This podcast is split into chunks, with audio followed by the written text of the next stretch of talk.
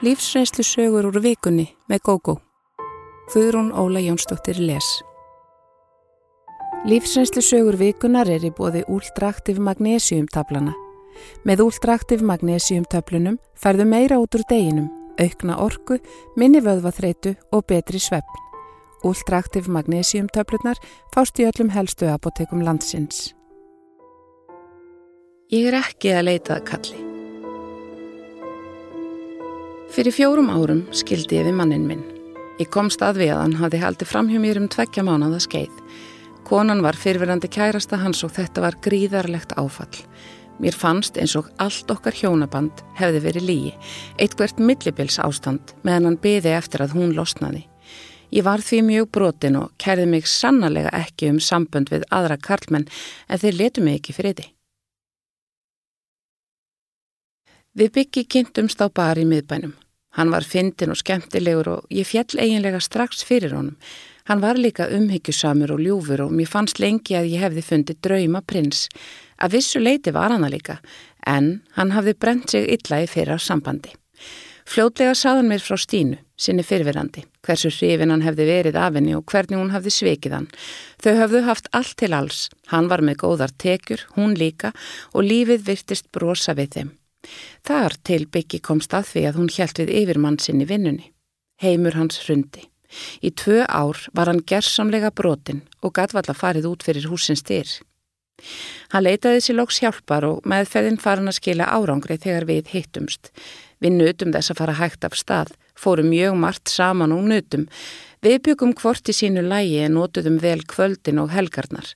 Við eigum sameigilegt áhugamál sem við stunduðum saman en fórum líka mikið í leikús, bíó, gönguferðir, bíltúra og út að borða. Þetta var indislegu tími. Ég hef aldrei skemmt mér betur á æfinni. Vinir bygga tóku mér mjög vel en kannski hefðu viðvörunarljós átt að kvikna þegar eitt þeirra hafði orð á því að ég líktist stínu í útliti. Ég hafði séð myndir af henni og fannst það ekki vera svo en sé eftir á að við erum sveipaðar týpur báðar ljósherðar og bláegðar og með líkan vöxt. Ég veit ekki hvort það var þess vegna sem hann valdi mig, það er ómögulegt að segja, en hefur ábyggilega haft áhrif. Eftir rúmlega árs samband fóru við byggja að búa saman. Það gekk mjög vel þótt auðvitaðirðu áreikstrar. Ég átti mína eigin íbúð og hafði búið ein meðan ég var í námi í útlöndum og var þess vegna fremur fastheldin á margar venjur, en okkur gekk vel að vinna úr hlutunum. Kanski hjálpaði svo vináta sem við vorum búin að byggja upp þegar komað því. Eftir nokkura mánuða sambúð giftum við okkur. Við vorum alveg vissum að þetta vildum við en vorum sammála um að býða með að eignast börn þar til við værum komin í framtíðar húsnæði. Eftir tveggja ára hjónaband vorum við byggi farin að tala um barnignir og að kaupa okkur hús saman. Þá tók ég eftir að hann hafði breyst. Fyrst fannst mér hann hálfpartin annars hugar og alltaf upptekinn þegar ég stakk upp á að við gerðum eitthvað. Hann þurfti að vinna, hitta vini, þó bílin eða eitthvað annað. Ég hafði litlar áökjur því jáfnframt var þann enn ljúfari og betri við mig en hann hafði verið. Hann kom oft heim með blóm, eldaði matinn, gaf mér gafakort í spa og hvatti mig til að fara eitthvað og njóta lífsins meðan hann væri upptekinn. Fyrst fannst mér þetta ekkert skrítið var bara ána með hvað ég ætti góðan mann en þegar hann var farin að fara undan í flæmingi þegar ég nefndi börnið að stakka upp og að við skoðuðum hús saman var því tortrykkin. Áður var það hann sem ítti á að við gerðum þessa hluti. Ég spurði hann þess vegna reynd út hvort eitthvað hefði breyst, hvort hann væri ekki enn sama sinnis. Hann reytist og sakaði mig um að vera ósangjarna í sinn garð. Það veri mikið að gera og mjög skrítið að ég treyst honum ekki betur en þetta. Þessi viðbröð voru svo fáránleg og ekki í neinu samræmi við orð mín að ég vissi um leið að hann stæði í framhjáhaldi. Ég spurði hann seint út og hann þver neytaði. Ég var ekki samferð og gekk á hann aftur og aftur. Hann var alltaf öskur reyður og raukjafnan út. Þetta endaði með því að ég ringdi í besta vinans, sagði honum hvernig málinn stæðu og að ég yrði að vita sannleikan. Við hefðum verið farin að tala um barnignir og ég var í hætt að nota getnaðarvarnir.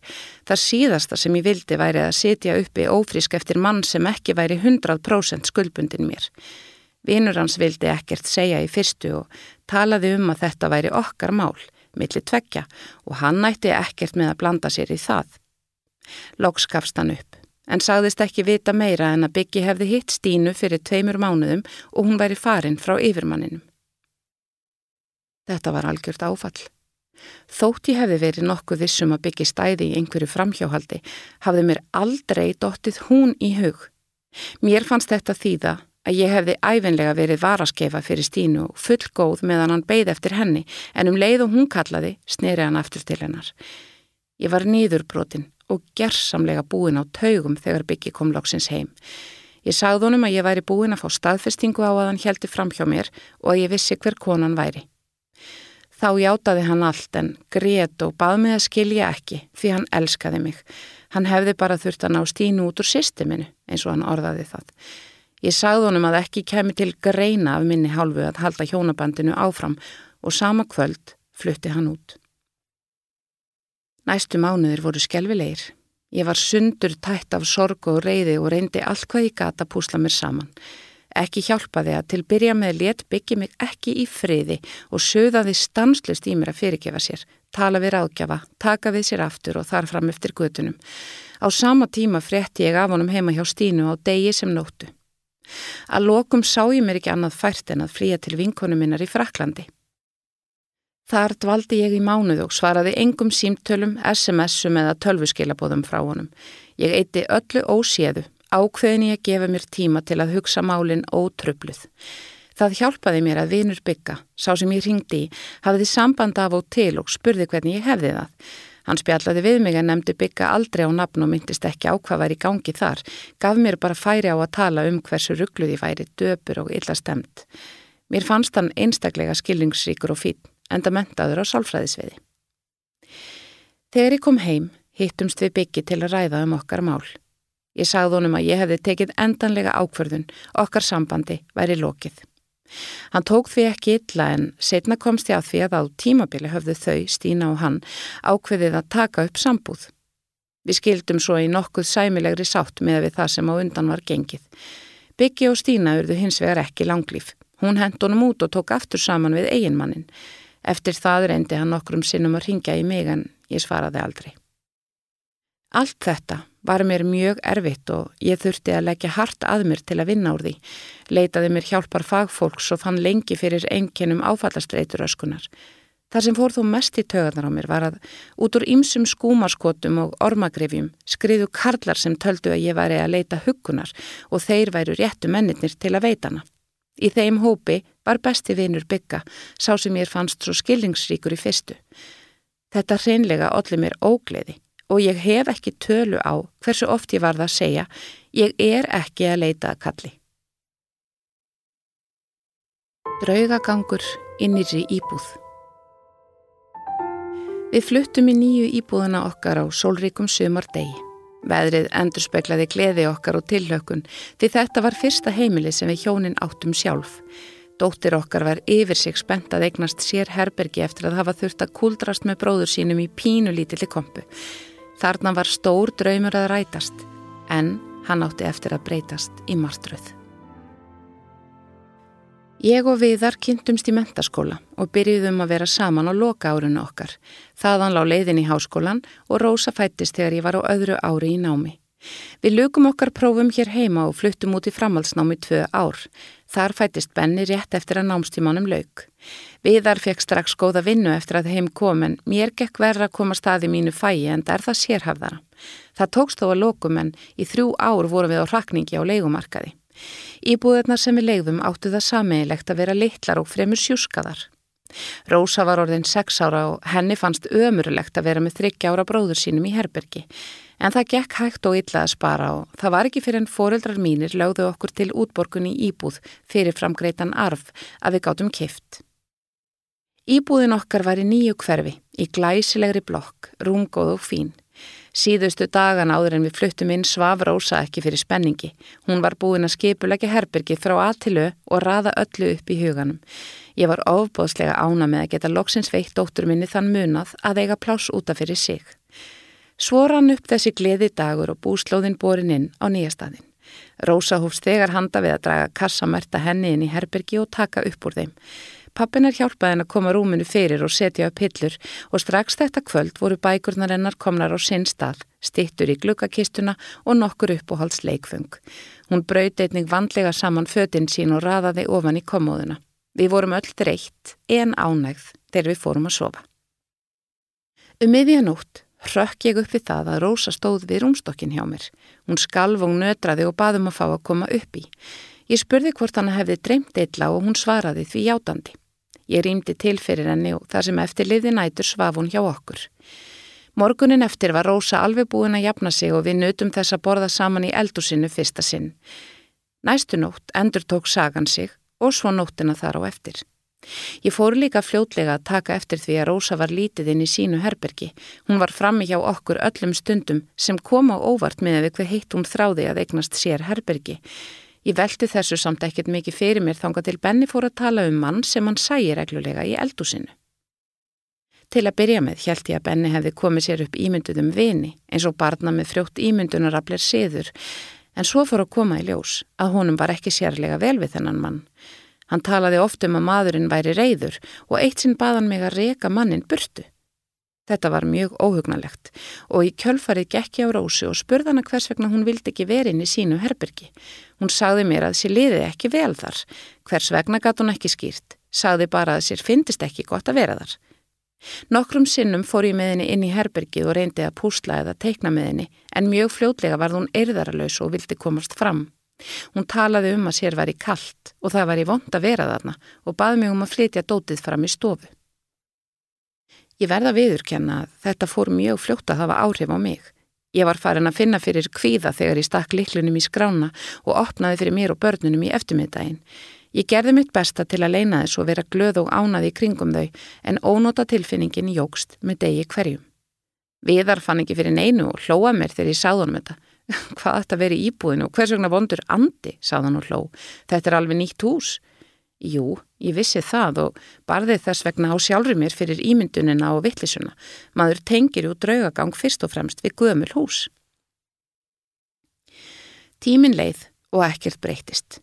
Rósa helt áfram að koma inn í herbergi til okkar á næturnar og forðast herbergi sitt á daginn.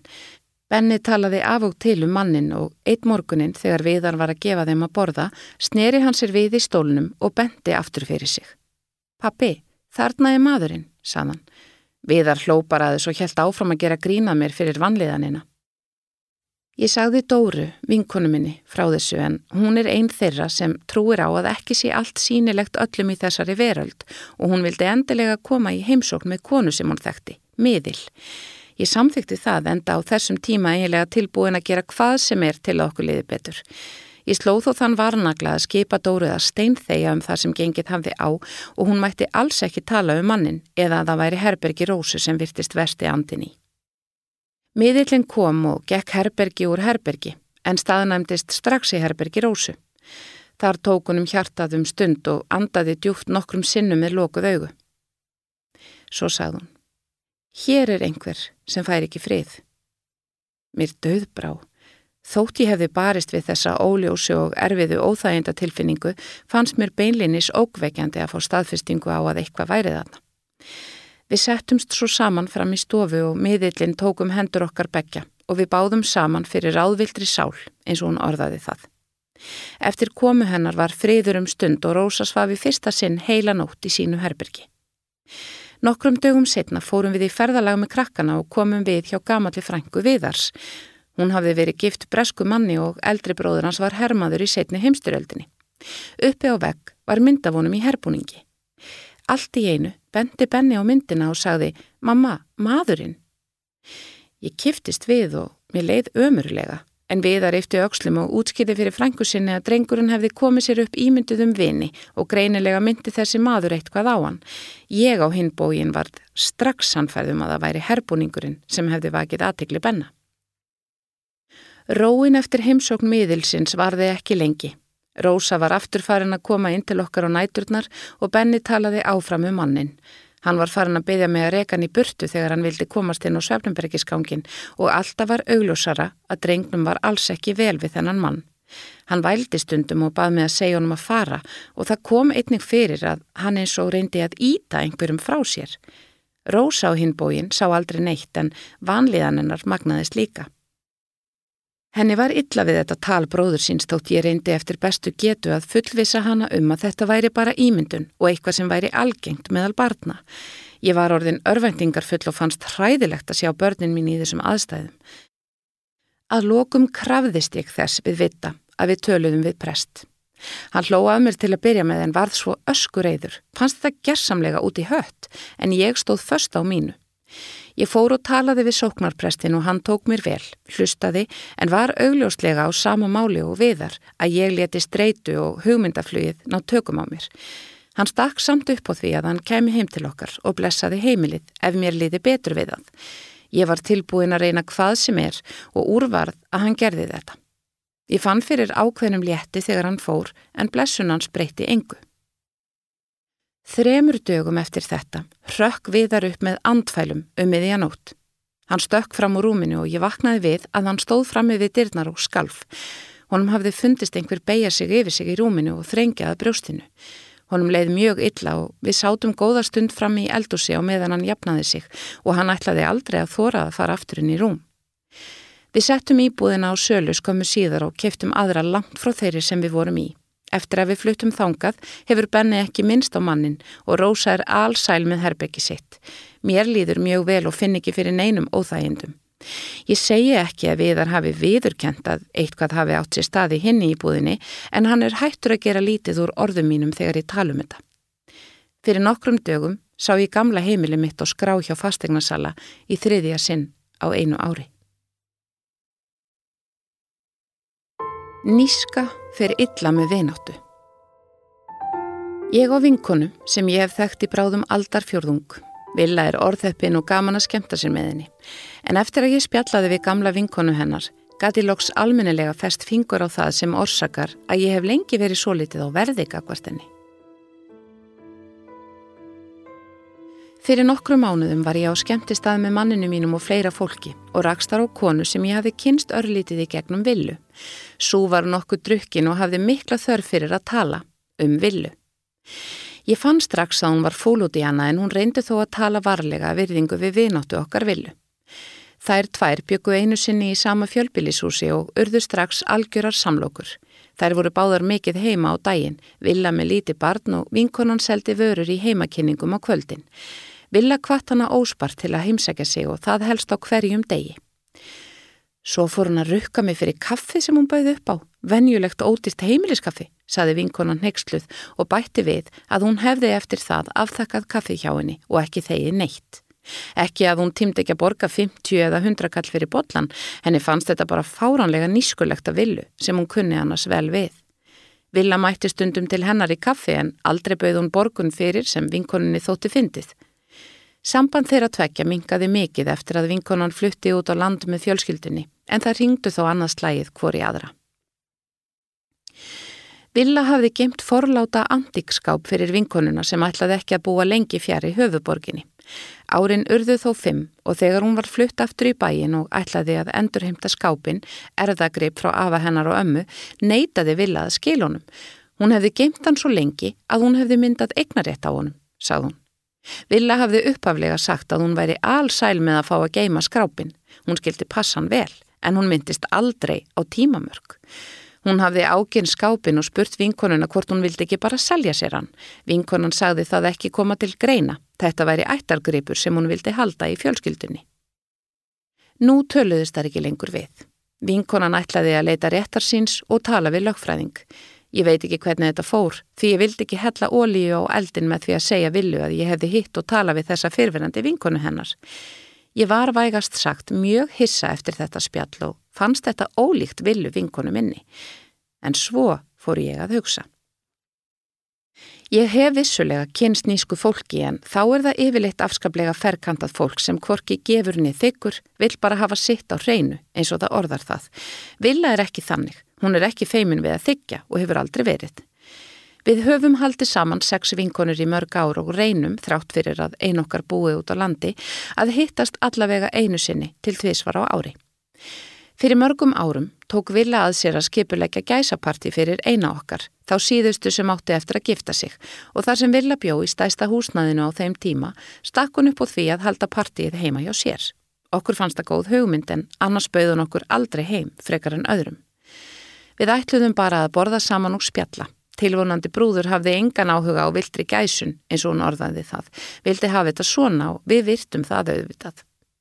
Bóðið tókst afar vel Maturinn var einstaklega góður og við skemmtum okkur langt fram á nótt. Fyrir algjöra tilviljun komst ég að því nokkru setna að vilja skipti kostnaðinum af mat og víni í fjóra hluta en ekki fimm. Hún borgaði ekkert frekar en brúðurinn sem bóði var haldi fyrir. Tekur þú ekki þátt í kostnaði? spurði ég hissa.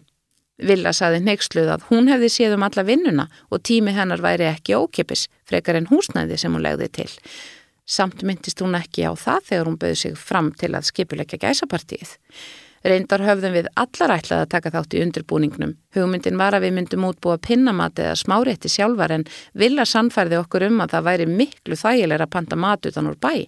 Svo myndum við skipta kostnaðinum eins og vennilega.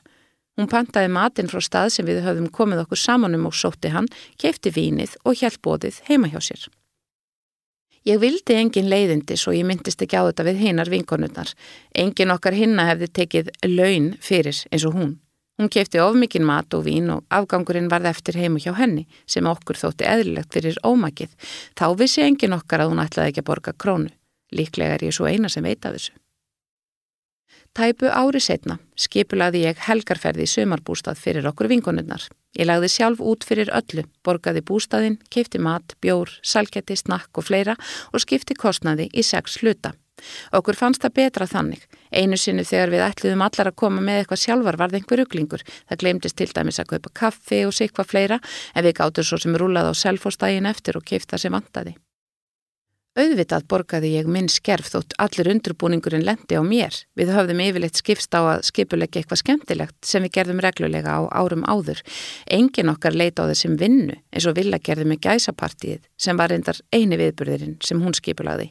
Hún hefur tvísvar eða þrísvar tekið að sér að kaupa afmæliskjöf til eitnar úr hópnum frá okkur hinnum en nú er ég ekki svo vissum að hún hafi borgað sinn hluta í þessum gjöfum. Hún hefur aldrei sagt hvað gjöfin kostaði hildina bara hvað þetta er mikið á mann og auðvitað dettur okkur ekki annað í hugan að allir borgi, en mig grunar þetta bara, ég er alls ekki viss.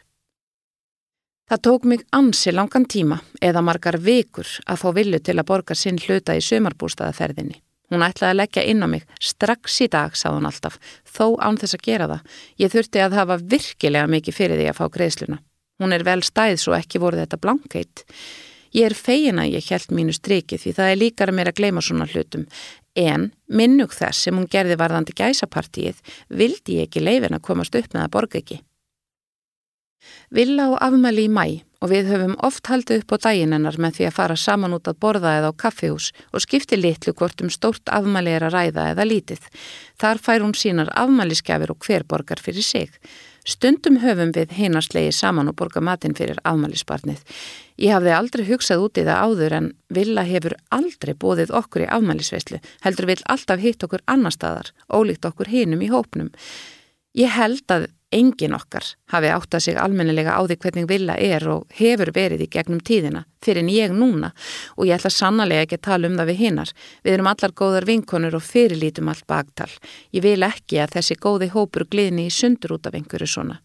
Ég get þó ekki litið vilju sömu augum og áður. Hún er vinkona mín en níska og óheðarleiki getur verið mikið eðileggingarafl þegar kemur að vináttu eins og hefur sínt sig varðandi vilju og fyrirnemda vinkonu hennar. Ef við vilja værum í meira sambandi hefði líklega reynd meira á þetta allt saman en við hittumst miklu sjálfnar en áður vinkonunnar og það eru mörg mörg ár síðan við fórum síðast saman í helgarferði í bústað. Við höfum allar meira en ó að gera, viljum samt áfram að hittast og þá er gott að borða saman. Ég hef í gegnum tíðina reynd að vera örlátt við vini og vandamenn og hef aldrei tapað á því, frekar í gagstæða. Ég skil reynlega ekki fólk sem reynir að græða á öðrum en vilja er svo sem ekki deinum að vera þannig. Ég fyrir gaf mömmu stjórnsemina. Mamma var alltaf stóri og sterkir aðilinn í minni fjölskyldu. Það var sama hvað gekk á, það datt aldrei af henni eða draup. Þessi styrkur mömmu fór oft í taugarnar á mér en það fylgdi honum stjórnsemi sem gætt gengið út í öfgar. Rétt áður en mamma dó í fyrra skildi ég lóks hvað henni hefði gengið til og ég fyrirgaf henni stjórnsemina. Þegar bróðir minn slasaðist lífsættulega var það hún sem huggaði okkur hinn og stappaði okkur stálinu. Allan þann tíma sem hann lág á sjúkrahúsinu sáum við hana aldrei brotna saman eða gráta. Hún virtist ekki eitt andartak missa vonina um að hann kæmist til meðvetundar. Pappi var beigður og utan við sig, nánast ekki með sjálfum sér af sorg og við hinn höfðu miklar áökjur af honum. Mamma aftur á móti skipulaði vaktir við sjúkrabeð bróður míns, sáum að allir fengju að borða og syndi öllum nöðsynlegum samskiptum. Ég dáði staðinni þá en ég skildi ekki hvernig hún gati þetta. Mér fannst hún svo köld að ég sagði við sýstur mína, þykir henni virkilega ekki vætnað um börnin síni þetta. Þarna likur eittir að milli heims og helju og hún fellir ekki einu sinni tár. Sýstur mín var sammála og við rifiðum upp sögur af kulda og tilfinningaleysi mömmu. Bróður minn náði sér mjög vel eftir þessi veikindi og mamma var við hliðin á honum allan tíman. Ég var hins vegar þá og hef nánast alltaf verið hálf reyðinni fyrir að geta aldrei sín tilfinningar. Þegar ég var þryggjára, dætti niður tröppurnar heima og fekk gata á hausin. Sistri mín hljópi inn háskælandi og sagði mömmu hvað hefði gerst. Mamma hljóp út og þar lág ég í blóðpolli á stjettinni. Hún sagði ekkert, heldur tók mig í fangið og bar mig inn. Hún þvoði það mesta úr andlitun á mér, vafði handklæði um höfuðið á mér og setti utanum mig teppi. Síðan fór hún með okkur sístur báðar upp á slísadelt. Þar kom í ljós að ég hafði fengið vægan heilarsýsting og sauma þurfti sjö spór við gagnaugað. Sistir mín grét og barmaði sér meðan ég var saumuð en mamma satt með hann í fanginu og talaði rólega við hana. Hún hjælt líka í höndina á mér og taldi mig kjarkin. Talaði um að bráðu mér þetta búið og ég væri sterk stelpa sem þyrti ekki að hafa neinar áhyggjur. Sjálf mann ég bara óljóst eftir þessu en sagan er svo vel þekkt í fjölskyldunni að mér finnst ég muna þetta allt. Læknanir unnu sitt verk og við fórum aftur heim. Pappi átti ekki orð þegar hann kom heim um kvöldið og spurði mömmu aftur og aftur af hverju ringdir þau ekki í mig? Hún saðist ekki af að tala inn eina þörfaði að trublan. Þá saði hann óskaplega sár. Ég hefði komið strax. En svona var mamma. Hún leisti allt sjálf og gerði allt sem þurfti að gera. Þegar ég var úlingur komst ég aldrei upp með neitt múður. Mamma ringdi til maðra vinkvenna minna til að aðtuga hvort ég væri öruglega hjá þeim og hún sá til þess að ég kemi heim og rétt um tíma því ef það brást kom hún einfallega og sótti mig. Ég let það ekki henda nema tvísvar en það strítu krakkarnir mér upp frá því og sögðu að mamma mín kemi og sætti mig að ég væri ekki stilt. Ég kynntist fyrir manninu mínum aðeins 18 ára og fór að búa með honum eftir aðeins tryggja mánuða kynni. Kanski hefur það haft sitt að segja að ég vildi sleppa frá mömmu. Þessi kærasti hlaut ekki náð fyrir augum mömmu sem varaði mig hvað eftir annað við honum. Hann var tíu árum eldri en ég og átti þrjár fyrverandi eiginkonur og eina fyrverandi sambiliskonu. Mamma sagði þegar hún heyrði það, það er engin óheppin fjórum sinnum. Það er eitthvað að þessu manni. Mikið ofbóðslega var ég reið. Ég held að ég myndi aldrei fyrirgefa mömmu þessi orð en nokkru mánuðum setna komst ég að því að svo sannlega hafði hún haft rétt fyrir sér. Sambilismadur minn var óáreðanlegur á öllum sviðum. Hann laug, sveik og blekti. Ekki bara mig, heldur líka vinnuveitanda sinn, foreldra sína og aðrar konur sem hann var í sambandi við framhjá mér. Það tók mig tæp tvö ár að viðurkenna ósigur minn og skrýða heim til mömmu. Þangað kom ég klukkan 6 að morgni með bólgnafur og blá og marinum allan skrokkin. Sambilismadur minn taldi það ósvipni að ég skildi gera aðtúasemt við það að hann kom heim með hóp af blindfullum félögum sem lögðu undir sig heimili okkar. Til að sína þeim að hann leti kerlingar nú ekki komast upp með að stjórna sér, kýld hann mig í andlitið og hendi mér síðan niður stiga og út rýbúðinni. Þá gafst ég endanlega upp. Ég náði í leigubil skamt frá húsinu og greiðt alla leiðina heim til mömmu og pappa. Mamma kom til dýra þegar ég ringdi dýrabötunni. Hún sagði ekki orð, sóti bara veski sitt, borgaði bílinn og fylgdi mér svo inn í stofu. Ég greið með ekka sógum og hún hjælt utanum axlitin á mér. Þegar ég loksins var búin að gráta nóg, let hún mig leggjast út af í sófan og breyti yfir mig teppi. Um leið og hún gekk út úr stofunni sagði hún, Guði sé lof að þú átt ekki badd með honum. Þar með var málið útrætt af hennar hálfu og aldrei framar var minnst á sambilismann minn eða neitt honum viðkomandi. Pappi og bróður minn fóru skömmu síðar og sóttu dótu mitt og þá satt sambilismadur minn grátandi í stofunni. Ég svaraði ekki símtölum frá honum og neytaði að taka á mótonum þegar hann kom. Hann reyndi þess vegna að telja pappa og bróður minn á að styðja sig og fá mig til að taka við sér aftur. Pappi svaraði honum kurtislega en ákveðið að enginn úr fjölskyldunni vildi sjá hann framar og ef hann myndi nálgast mig yrði syngt á lögreglu. Upp frá því leta hann mig í friði en það voru nógar aðrar tilbúnar til að gangast upp við smjadrið í honum því ekki vantaði hann var tungulipur og aðlæðandi þegar hann var að byrja ástarsamband við konur. Ég bjó nú ekki lengi heima hjá mömmu og pappa. Ég vildi standa á eigin fótum og leiði mér því litla íbúð og setna kefti ég mitt eigið húsnæði. Ég kynntist manninum sem ég er gift í dag þannig að hann bjóða móti mér í húsinu þar sem ég kefti. Hann var mjög elskulegur og almennilegur. Þess vegna leitaði ég til hans þegar þvóttavilin beilaði hjá mér og vatn flætti út um allt. Hann brást vel við og rettaði málunum ótrúlega fljótt og vel. Upp frá því fóru við að tala saman á göngunum og hann kom í kaffi til mín. Eitt leiti af öðru og fyrir en varði var hann fluttur inn til mín. Hann var sannlega ekki líkur mínum fyrverandi og valla hægt að hugsa sér betri eða tröstari mann. Að þessu sinni var mamma sammála og hún virtist telja að ég væri komin í öruga höfn. Oft fór í taugadar á mér hversu hrifin hún var af tengdasinninum því ef einhverja skærur voru á milli okkar stóð hún alltaf með honum. Pappi ló bara þegar ég kvartaði undan þessu og benti á að mamma væri bara að reyna að fá mig til að sjá fleiri hliðar á málunum. Ég þóldi það hins vegar illa því ég taldi mig ekki vandraði með að sjá fleiri hliðar á málunum. Mikilvægar að væri að einhver stæði með mér. Í fyrra fekk mamma að vita að hún væri döðvona. Hún tók á veikindunum eins og öllu öðru með miklu jafnaðargeði. Oftast var það hún sem huggaði okkur en ekki öfugt. Einhverju sinni var hún mjög veik og lág á sjúkrahúsi. Ég vildi sitja hjá henni en hún baði mig að fara heim og sagðist þurfa að vera einn. Ég var mjög sár og kerði heim til pappa. Þar hágrið ég við eldursporðið og sagði honum að ég þyldi ekki hvernig hún heldi manni alltaf í ákveðin í fjarlagð. Þá sagði pappi. Mammaðinn var snemma að taka ábyrð á öllu í eigin lífi. Ammaðinn var einfallega þannig að ef erfiðleika barað höndum gafst hún upp. Hún veiktist og dó þegar mammaðinn var mjög ung, eins og þú veist, en það var mammaðinn sem var það að sjá um að halda öllu gangandi meðan á veikindunum stóð og eftir að hún fjall frá. Mammaðinn var alltaf ákveðin í að því börnin hennar mynduð aldrei þurfað að ganga í gegnum það sama og hún. Og þá loksins skildi ég allt. Ummyggja mömmu fyrir okkur var svo mikil að hún setti sjálfa sig og sínar þarfir æfinlega í annarsætið. Ég fyrirgaf henni umsvefa löst stjórnsemina og þegar ég kvatt hann okkur miklum setna, kvatti ég af einlagri ást og virðingu. Mammans neytar að fyrirgefa mér. Ég og basfæðir minn kynntumst á síðasta ári í mentaskóla og fórum að búa saman þegar við hófum háskólanám. Við eignuðumst svoni miðju námi og nutum mikillar hjálpar frá fjölskyldu hans. Fyrir fjórum árum skildum við vegna framhjáhalds mín sem tókum saman aftur nýju mánuðum síðar. Við höfum farið til ráðgjafa og erum mjög hafmyggisum en mammans getur ekki fyrirgefið mér fyrir syndir. Eftir að ég eignaði strengin átti ég mjög erfitt með að sætta mig við að ekkert breytist hjá manninu mínum en allt hjá mér. Mömmans fannst sjálfsagt að passa ef hann þurfti að læra en ef ég var í vandraðum var hún alltaf tregari til. Flestir í minni fjölskyldu byggu þegar þetta var utanlands, svo ég hafði ekki mikið bakland. Þetta varð meðal annars til að skemma samband mitt og barsföður míns.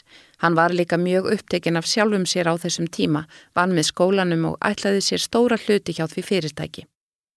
Hann síndi þess vegna mínu námi og mínum draumum litla virðingu. Ég veit svo sem að ekkert af þessu er afsökun fyrir því sem á eftir fór en kannski að einhverju leiti skýring. Að minnstakosti var það svo að ég fjall fyrir skólabróður mínum og við hófum ástarsamband. Til að byrja með var ég mjög ruggluð og vissi ekkert hvað ég vildi. Sveiplaðist millir þess að finnast ég elska barsföður minn út á lífinu og að þrá heitast að losna við hann og taka saman við elskuga minn. Að lokum gerðist svo hið óhjákvæmilega. Vinur hann sá mig og viðhaldi saman og sagði sambilismanni mínum frá. Hann trompaðist og rak mig á dyr. Í nokkrar vikur reyndi ég að láta hlutin að ganga með elskuga mínum en sá fljótt að þetta var í raun alls ekki það sem ég vildi. Ég elskaði enn barsföður minn. Ég sleit þess vegna öllu sambandi við hinn og reyndi allt hvað ég gaf til að fá hann til að sættast. Hann var ekki tilbúin til þess og síndi mér mikla lítilsverðingu. Ég viður kenni fúslega að ég var mjög sára og reið meðan á öllu þessu stóð og kom líka afskaplega illa fram. Meðal annars má nefna að ég talaði mjög illa um hann og fjölskyldu hans. Saði vinkonum mömmu hans að hún hefði aldrei viljað sinna drengnum okkar nema þegar hann þurft á því að halda og það væri henni að kenna að mér hefði ekki tekist að ná þeim lokaengunum sem ég stemdi að. Í þessu var auðvitað sannleikskjarni en margt íkt vegna reyði í þau. Mér fannst þau líka reyna að eitra huga drengsins okkar gegn mér og nokkrum sinnum kom fyrir að hann vildi ekki fara með mér þegar ég kom að sækja hann heim til þeirra. Ég tólkaði það sem eitur áhrif frá ömmunni og notaði það sem fóður á hatturseldin.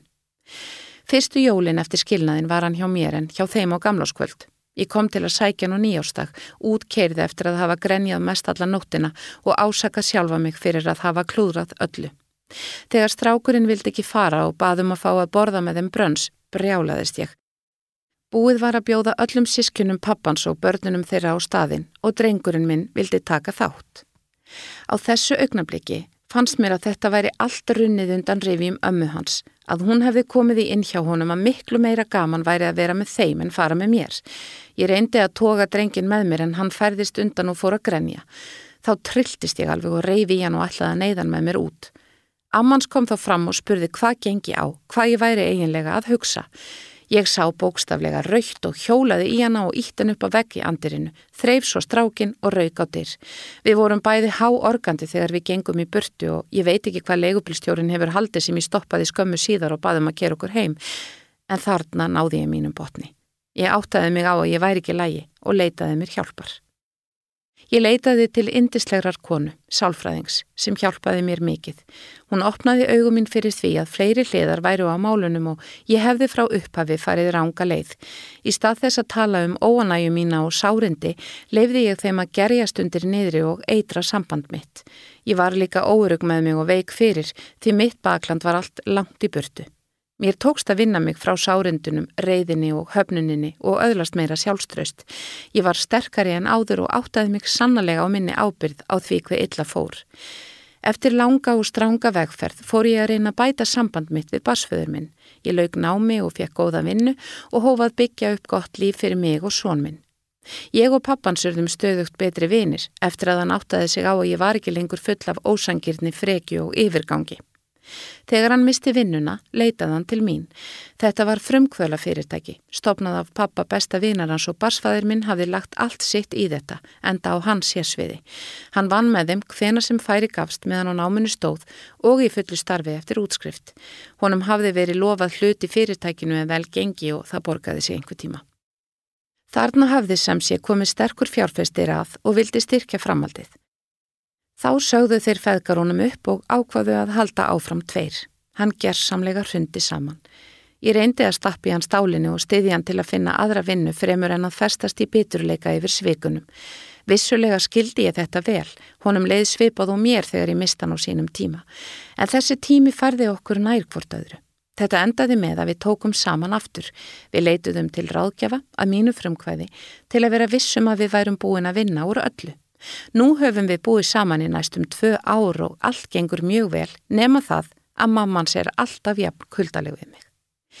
Ég hef margóft beðið hana fyrirgefningar og framkomu minni og reynt að útskýra líðan mín á þessum tíma. Tengda mamma svarar alltaf á sama veg að ég sé búin að sína að mér sé ekki treystandi að ég sé illkvittin og hafi logið upp á hana og borið hana út. Hún segist auk þess ekki geta treyst mannisku sem hafi beitt hana ofbeldi og vísar þar til þess að ég ytti henni upp á vegg. Sistir hennar tekur undir allt sem hún segir og yrðir helst aldrei á mig í fjölskyldubóðum. Ef ég reyni að tala við hana svarar hún eins atkvæðis orðum. Sennilega þarf ég ekki að taka fram að mér líður ömurlega yfir þessu. Það virðist alveg sama hvað ég segi. Þessar konur vilja ekki fyrirgefa mér. Þetta hefur dreyið skugga yfir annars gott samband mitt við basföður minn. Ég vil helst ekki fara með honum til fjölskyldu hans og tek orðið ekki þátt í fjölskyldubóðum. Honum finnst það leiðinlegt, enda er fjölskyldan samrýnd. Mamma mín flutti nýlega heim eftir langa búsettu Erlendis og hún hefur verið mér mikil styrkur. Það er merkilegt að tengda mamma ber mikla virðingu fyrir henni og þær eru ágætis vinkonur. Ég vona sannlega að bráðum komi að því að tengdamóður mín verði tilbúin til að breyta okkar sambandi. Þótt hún geti kannski ekki fyrirgefið mér, þá gæti hún að minnstakosti láti vera að útiloka mig algjörlega. Þú varst að hlusta á lífsreynslu sögur úr vikunni með GóGó í lestri Guðrúnar Óli Jónsdóttur og framleiðslu Storysight árið 2020. Höfundaréttur Vikan.